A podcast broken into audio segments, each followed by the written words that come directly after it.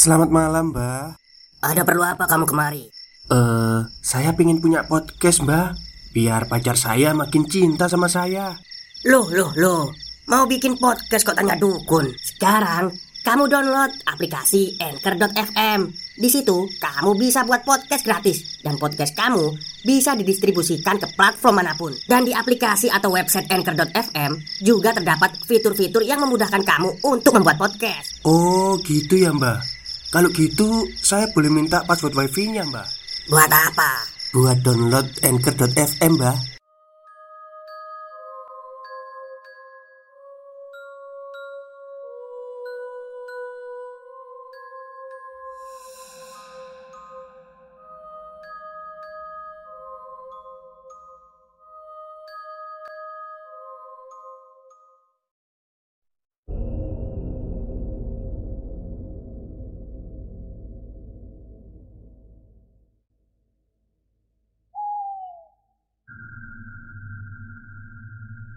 Assalamualaikum warahmatullahi wabarakatuh. Halo semuanya. Jumpa lagi dengan saya Chow Sing Sing Kurator dari Podcast Horror Night Story. Halo apa kabar semuanya? Dan seperti biasanya Pada malam hari ini Saya kembali Dan akan membawakan sebuah kisah mistis untuk kalian semua dan kisah mistis kali ini datang dari Twitter tentunya Dari akun @agilrsaputra. Jadi beliau menceritakan sebuah kisah nyata Yang terjadi di pertengahan tahun 1984 sampai 85 Seperti apa kisahnya? Mari kita simak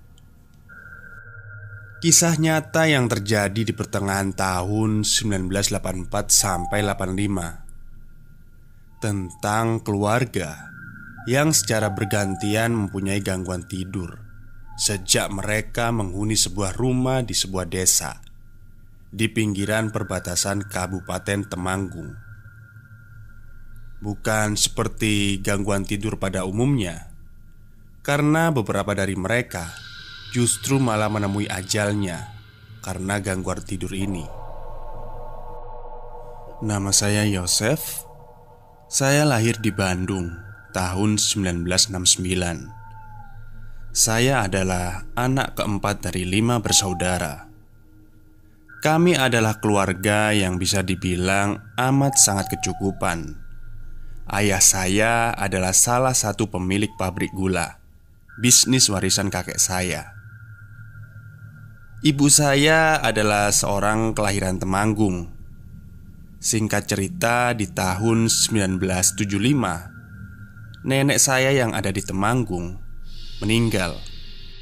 Karena ibu saya adalah anak tunggal, otomatis ibu saya harus bolak-balik ngurusin kakek saya yang sendirian. Kakek sudah mulai sakit-sakitan, dan hanya ibu saya satu-satunya anaknya. Otomatis ibuku jadi sering banget ke Temanggung Mengurus kakek sambil membawa si bungsu Yang dulu masih kecil.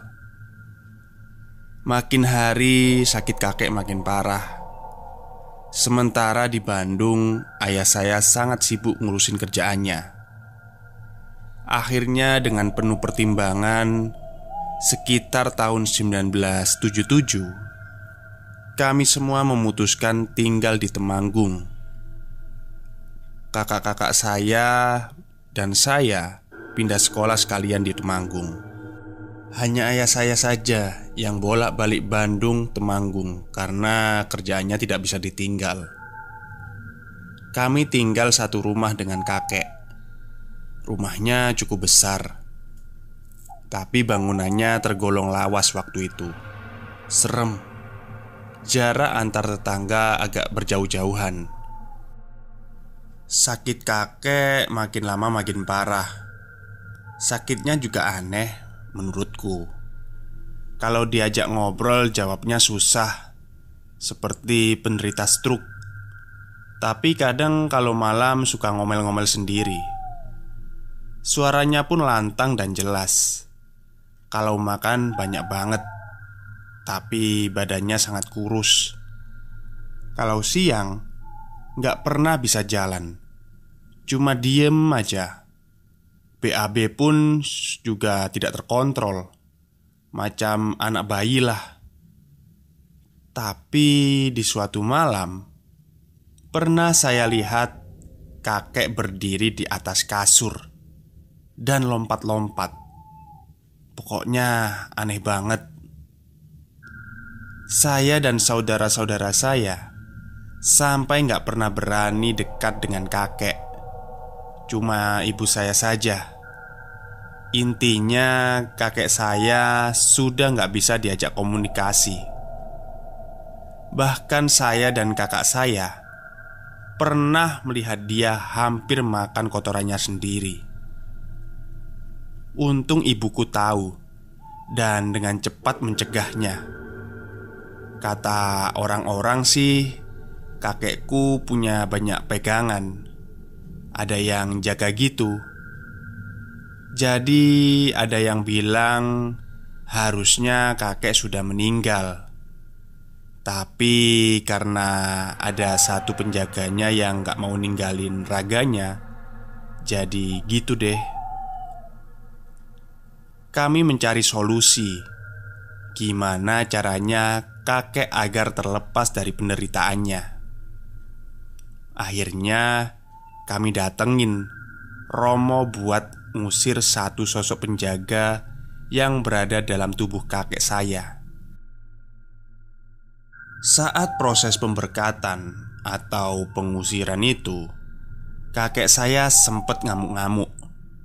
Bahkan Romo pun dimaki-maki Tapi akhirnya proses itu berjalan lancar Ya terjadi perubahan yang signifikan di kakek saya. Dia mulai tenang Dan tidak aneh lagi setiap malam. Tapi dia sudah menolak untuk makan sejak saat itu. Sampai akhirnya Dua minggu kemudian Tepatnya di malam Natal tahun 1979 Kakek saya meninggal dunia Meski dibilang kakek saya ini aliran kepercayaannya kejawen Tapi kakek saya dimakamkan secara katolik Karena sejak menikah dengan ayah saya Ibu menjadi katolik Ikut keluarga di Bandung Prosesi berjalan lancar dan wajar-wajar saja. Kami pun mengadakan sembayangan di rumah selama tujuh hari. Dua bulan kemudian, tinggallah aku, si bungsu, dan kakakku nomor dua, dan ibuku juga di situ. Sementara ayah di Bandung, dan kakakku yang nomor satu kuliah di Jogja. Pulangnya pun sebulan sekali Tiga bulan sepeninggal kakekku Suasana rumah mulai aneh dan gak nyaman Mulai terjadi hal-hal yang tidak wajar. Hampir setiap malam Saya mendengar suara orang jalan-jalan di sepanjang ruang tamu. Dan itu hampir setiap malam. Si bungsu juga suka ngelihat yang aneh-aneh. Kadang suka ngobrol sendiri. Hingga puncaknya Waktu itu kira-kira jam satu malam Saya, ibu, dan kakak saya yang nomor dua terbangun Kita semua dengar hentakan Seperti ada sesuatu yang jatuh dari atap Kami tidur bersama dalam satu kamar setelah dengar suara itu, mata kami terbuka, kecuali si bungsu yang masih tertidur nyenyak. Dengan wajah kaget, kami saling pandang. Ibu saya mencoba bangun untuk mengecek apa yang terjadi. Sumbernya dari ruang tamu. Ibu saya adalah orang yang sangat penakut. Ibu mengajak kami berdua untuk mengecek apa yang sedang terjadi. Belum juga beranjak dari tempat tidur, terdengar suara gagang pintu. Kami diam menghentikan gerak. Ternyata ada lagi.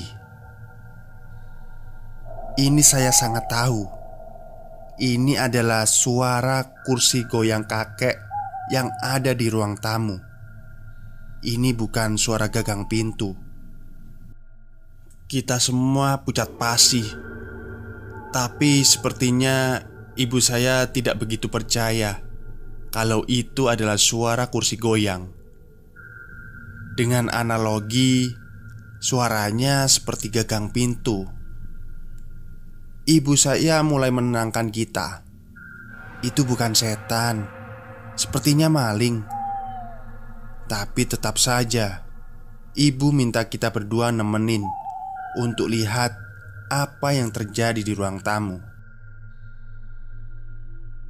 Kami berjalan bertiga, mengendap-endap, dan suara itu masih ada. Di benak saya semakin yakin itu adalah kursi goyang kakek. Sampai di ruang tengah, kami sempat berhenti. Tapi entah kenapa, ibu bilang, "Ayo, nggak apa-apa." Dan benar saja, Sampai depan tirai antara ruang tamu dan ruang tengah. Suara itu masih ada Tapi dengan tempo yang lebih lambat. Ibu saya mencoba membuka tirai sekat. Perlahan Posisi ibu paling depan dan saya di tengah. Dan kakak saya berada di paling belakang. Ibu menyingkap tirai perlahan semakin lebar, dan benar saja ada sosok yang tengah duduk di kursi goyang itu. Semua melihat saya, kakak, dan ibu saya. Bentuknya nggak begitu terlihat jelas, cuma berbentuk siluet gitu. Kakak saya meraih saklar lampu di ruang tengah, dan Siluet di ruang tamu itu semakin jelas. Kami semua sangat ketakutan. Siapakah sosok yang duduk di kursi goyang itu? Dengan ketakutan, kami terpaku, seperti sulit bergerak. Otomatis, pandangan kami semakin tertuju ke sosok itu. Semakin saya lihat dan perhatikan, Sosok itu seperti memiliki tanduk. Dia duduk di kursi goyang membelakangi kami sambil terus menggoyangkan kursinya.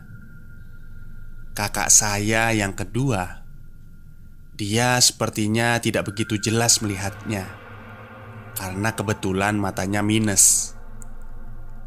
Nah, dengan keraguan, kakak saya mencoba meraih saklar lampu yang hanya berjarak satu meter di depan sampingnya. Sosok itu semakin jelas. Saya sudah yakin itu bukan manusia. Tanduknya semakin terlihat jelas. Dengan terhentak, kakak saya meraih saklar lampu itu dan menghidupkannya. Namun, sosok itu sudah tidak ada. Hanya tinggal kursi saja yang masih bergoyang. Hanya selang beberapa detik setelah lampu itu menyala, terdengar suara anak menangis, yang mana itu adalah suara si bungsu. Kami dengan agak panik langsung bergegas menuju kamar karena tangisannya tak seperti biasanya. Tangisannya lebih keras. Pas mau sampai di kamar, betapa kagetnya kami. Si bungsu yang tadinya tidur di ranjang, tiba-tiba sekarang berada di atas lemari sambil menangis dan meronta. Dan anehnya, lemari itu cukup tinggi dan tidak mungkin bisa dipanjat oleh si bungsu. Si bungsu pun diturunkan dari lemari. Kami sangat ketakutan. Kami tidak bisa tidur waktu itu. Si bungsu pun tak berhenti menangis. Dan keesokan harinya, si bungsu demam tinggi. Kami semua kebingungan. Jaringan telepon belum masuk di desa waktu itu.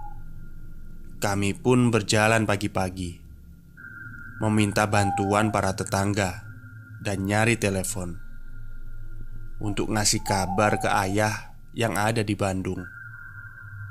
Akhirnya dapatlah minjem telepon di kantor kecamatan setempat. Singkat cerita, dua hari kemudian ayah saya ke Temanggung. Sesampainya di Temanggung, saya, ibu, dan kakak menceritakan apa yang terjadi. Tapi sepertinya ayah tidak percaya. Ayah saya memang kurang percaya dengan hal-hal seperti itu. Kami pun terus meyakinkannya. Stop, stop. Kita break sebentar. Jadi gimana? Kalian pengen punya podcast seperti saya? Jangan pakai dukun, pakai Anchor. Download sekarang juga. Gratis. Selang sehari rumah itu diberkati Kami berharap agar tak diganggu lagi Tapi itu selalu tak bertahan lama Kembali lagi sampai tujuh kali kalau nggak salah diberkatinya Tapi cuma reda beberapa saat. Sosok bertandu itu selalu muncul kembali. Kayak mengingatkan saya film Insidious ya. Sampai sempat kami mengundang kiai untuk mengusir makhluk itu. Dan bertahan cukup lama Sekitar enam bulan. Tapi entah kenapa setelah itu Sosok itu muncul lagi dan lagi Ibu sudah mulai nggak sanggup lagi Karena setiap gangguan selalu saja membahayakan si bungsu. Ayah sempat menawari kami untuk kembali lagi ke Bandung, tapi kami rasa akan ribet dan memakan banyak waktu kalau kita harus pindah sekolah lagi. Jalan tengahnya kita pindah rumah, tapi tetap di Temanggung. Sementara mereka berpikir Mau diapakan ini rumah? Kalau kita nggak tinggal di sini. Tapi karena kami sudah tidak betah Kami ngontrak dulu di sekitaran situ. Lokasinya tidak jauh dari rumah kakek Masih satu desa Sementara ayah dan ibu nyari-nyari rumah Yang bakal nanti kami tinggal. Kami ngontrak kurang lebih 2 tahun. Di tahun 1983 Dapatlah rumah yang cocok dan untuk dibeli. Rumah itu berada di sebuah desa di kota Temanggung juga. Cuma beda kecamatan dari rumah yang lama. Rumahnya bagus Berada di pojokan desa Ya perbatasan desa lah Harganya juga tergolong murah. Dengan bangunan sebagus dan seluas itu, terbelilah rumah itu, dan kami tinggal di situ. Tahun pertama sih biasa aja. Natal tahun 1983 Puji Tuhan Waktu itu kami bisa kumpul semua Ayah, ibu, dua kakakku dan si bungsu seperti keluarga pada umumnya yang sedang berbahagia merayakan Natal.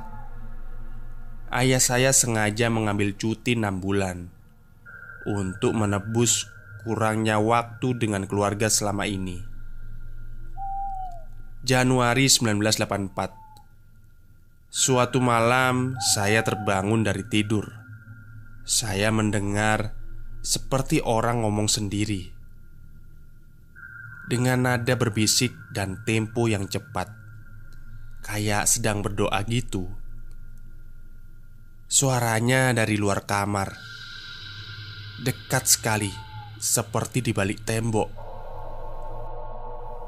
Dan memang benar, suara itu sepertinya di balik tembok, diiringi dengan suara orang memukul tembok. Suara mendesis itu sepertinya bukan suara orang dewasa. Tiba-tiba, ngapain, Dek? Suara ayahku. Saya spontan langsung keluar di tembok samping pintu. Ternyata si bungsu nendang-nendang tembok sambil meracau tidak jelas. Di situ saya malah sedikit tertawa.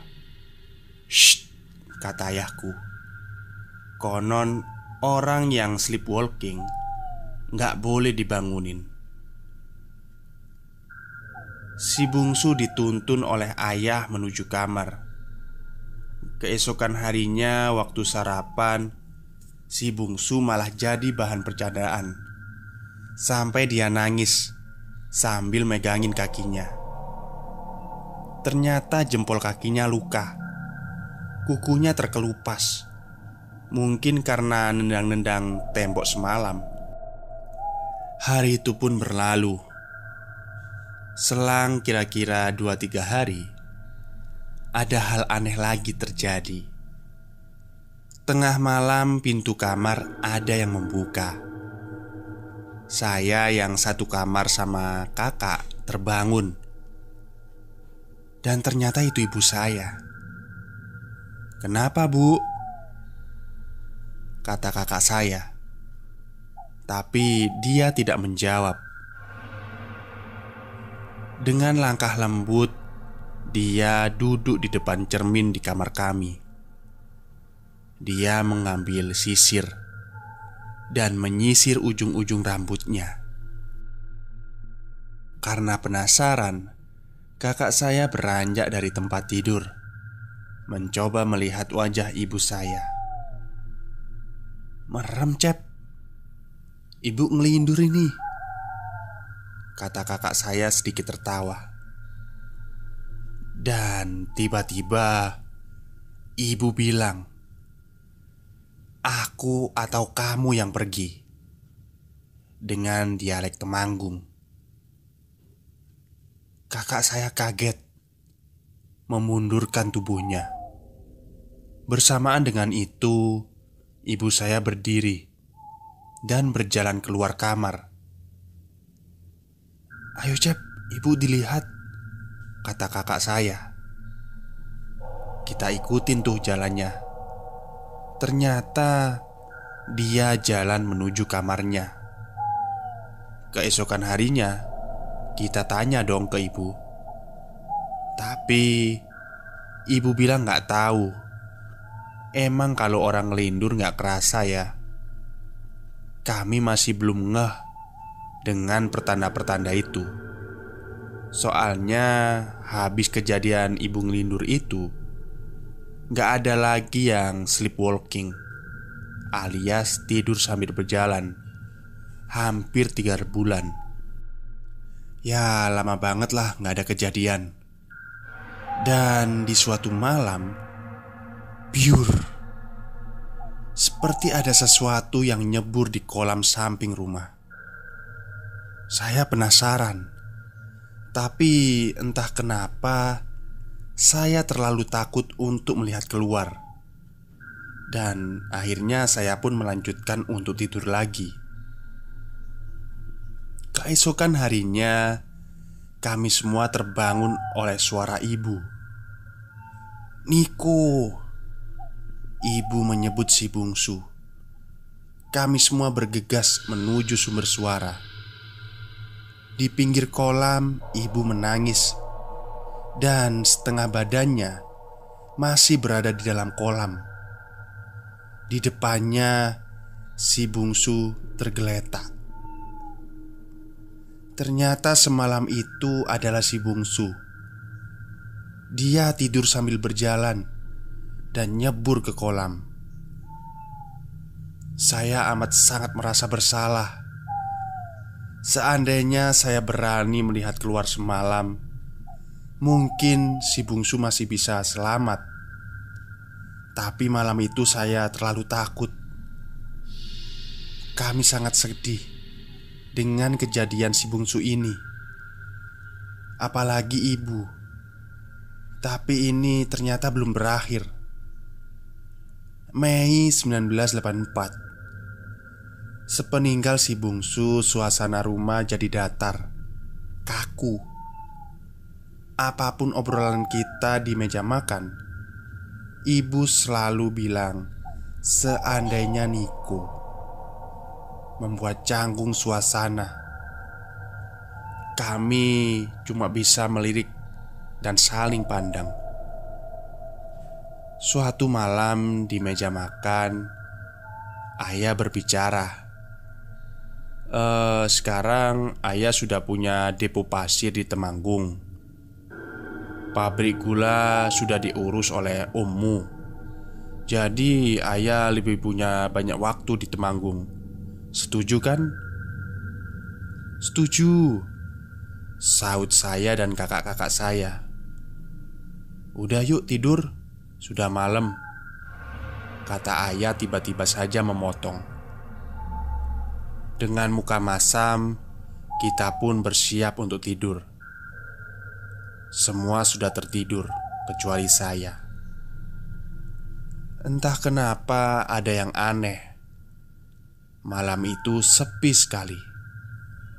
Bahkan suara hewan pun tak terdengar sama sekali. suara batu ayah diiringi suara kaki melangkah. Oh, Ayah mungkin mau ke kamar mandi Batin saya Entah kenapa saya tertidur waktu itu. Tahu-tahu bangun aja di pagi hari.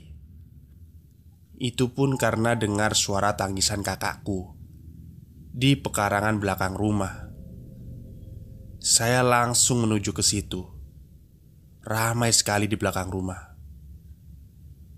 Selangkah dari mulut pintu Tubuh saya diraih oleh seseorang. Tetangga Tapi saya tidak ingat namanya Seakan tidak memperbolehkan saya melihat keluar Tapi di sela-sela badannya Saya hanya melihat Ibu saya yang pingsan Dan sepertinya sedang dipapah Ada apa ini? Batinku Ternyata ayah saya ditemukan sudah tidak bernyawa. Belakangan polisi mengatakan ia bunuh diri, tapi rasanya tidak begitu. Kami sangat mengenal ayah kami. Ayah sangat religius, bahkan bisa dibilang fanatik. Putus asa, sepertinya tidak. Ini kata-kata terakhir di malam sebelum esoknya ditemukan tewas. Apakah seperti orang putus asa?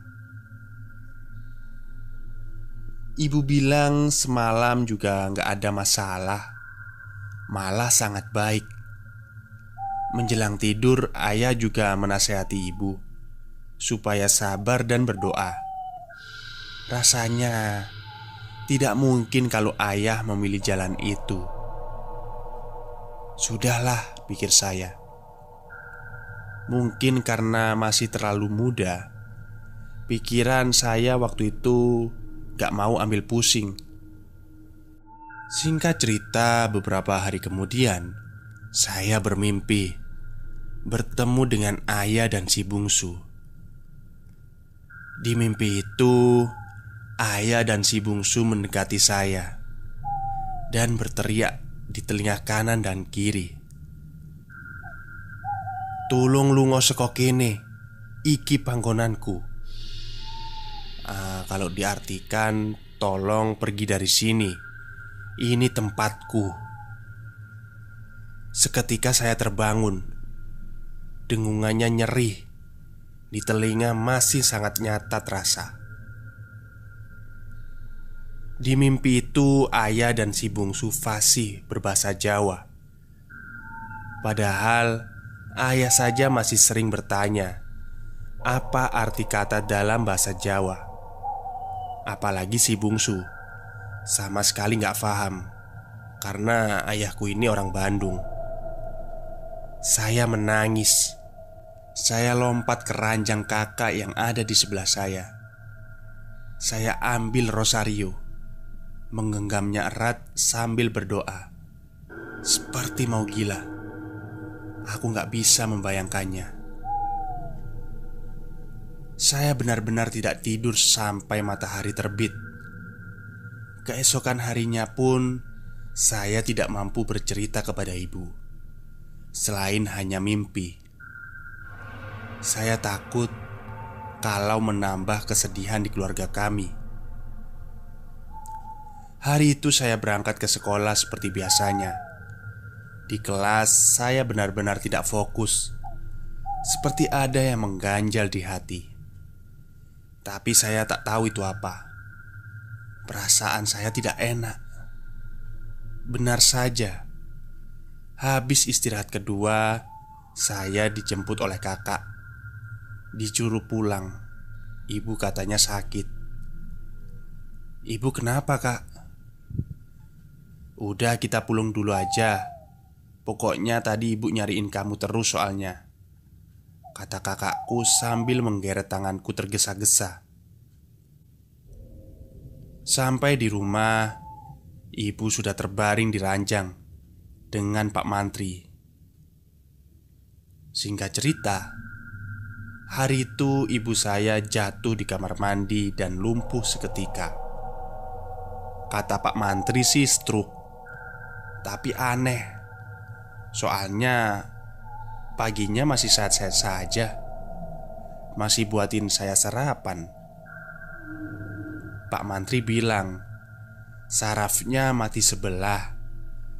Jadi dari mata kanan sampai kaki kanan Sudah sulit digerakin. Dan dalam jangka dua minggu Semua syaraf mati total kami sempat ke rumah sakit dua bulan. Dan ibu mulai bisa ngomong Walau masih pego gitu. Saya sih pengennya ibu dirawat dulu sampai sembuh. Tapi beliau selalu minta pulang. Padahal belum bisa jalan juga. Harus pakai kursi roda. Akhirnya ibu dibawa ke rumah di rumah ibu dirawat seadanya.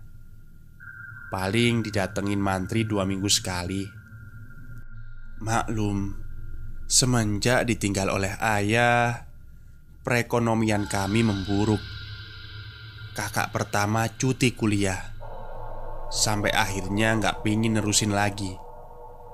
Kakak Kakakku yang kedua baru saja lulus SMA Dan masih menganggur Sementara saya masih SMP Kita cuma ngandelin uang dari kiriman saudara di Bandung.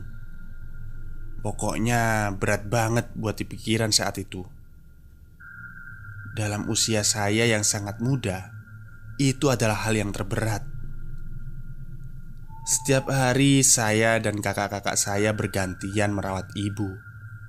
Dari mandiin, makan, sampai bersih-bersih rumah. Kita juga bergantian jagain ibu kalau malam. Rutinitas itu berjalan kira-kira dua bulanan mungkin, kalau nggak salah. Sampai di suatu malam, pas giliran saya yang jaga di kamar ibu, jadi posisinya ini ibu tidur di ranjang, dan saya di lantai beralaskan kasur. Saya terbangun dan mendapati ibu tidak ada di ranjangnya. Padahal kan ibu nggak bisa jalan. Saya keluar dari kamar Dan manggil Bu, Bu. Suasananya gelap. Saya takut sekali. Semoga yang saya pikirkan tidak terjadi. Saya bangunin kakak. Mas, ibu nggak ada di kamar Ngaco kamu Kata kakak saya. Ayo cari. Kami keliling ruangan. Tidak butuh waktu lama kami mencari.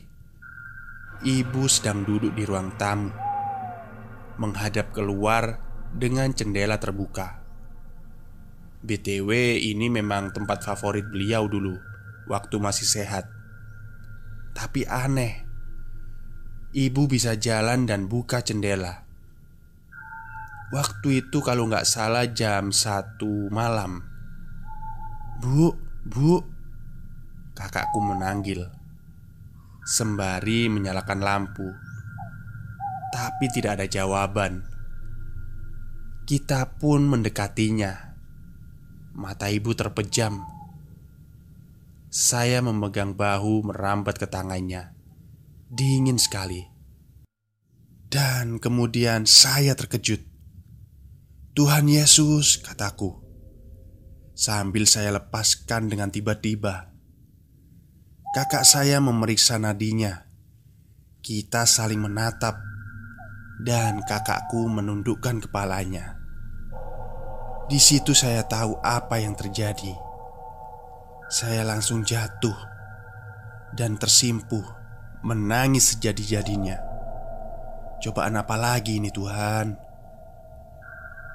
Kakak saya yang kedua terbangun. Kita menangis bersama. Waktu itu yang ada di pikiran saya cuma Sepertinya saya lebih baik mati saja Daripada hidup seperti ini setelah kejadian itu, kami ditolong oleh gereja. Kami dikasih tempat tinggal, walau sederhana, tapi kita merasa lebih nyaman dan aman. Kakakku yang pertama sempat depresi sampai masuk RSC, tapi sudah sembuh. Dan sebelum dia meninggal tahun 2006 Beliau sempat cerita banyak sekali tentang apa yang terjadi. Katanya, dulu lima hari setelah ibu meninggal, ada warga yang merasa janggal. Kenapa setiap orang yang tinggal di rumah itu selalu meninggal dengan cara yang sama, yaitu turu melaku? Karena penghuni sebelumnya juga begitu Bahkan lebih ekstrim Ada yang sleepwalking sampai jalan raya Membacok dirinya sendiri Dan berujung pada kematian Dan hal itulah Yang mendorong kakak saya Kenapa waktu itu nyuruh kita semua pindah ke gereja Bahkan Romo pun menyarankan untuk pindah. Belakangan saya penasaran dan mencari tahu, tapi sudah sangat sulit karena sekarang rumah itu sudah dipugar rata dan menjadi sebuah pabrik. Begitupun desanya, tinggal beberapa rumah saja. Sekian. Oke, terima kasih kepada seluruh pendengar podcast Horror Night Story yang sudah mendengarkan cerita saya. Jadi, kesimpulan dari kasus ini itu memang dari awal itu sudah ada gangguan dari uh, perewangannya si kakeknya ini ya. Tapi kayaknya nggak seberapa parah bertambah parah ketika mereka menempati sebuah rumah ya yang dibeli itu yang berada di pojokan itu. Oke, mungkin itu saja yang bisa saya ceritakan malam ini. Semoga Anda semua terhibur. Selamat malam dan selamat beristirahat.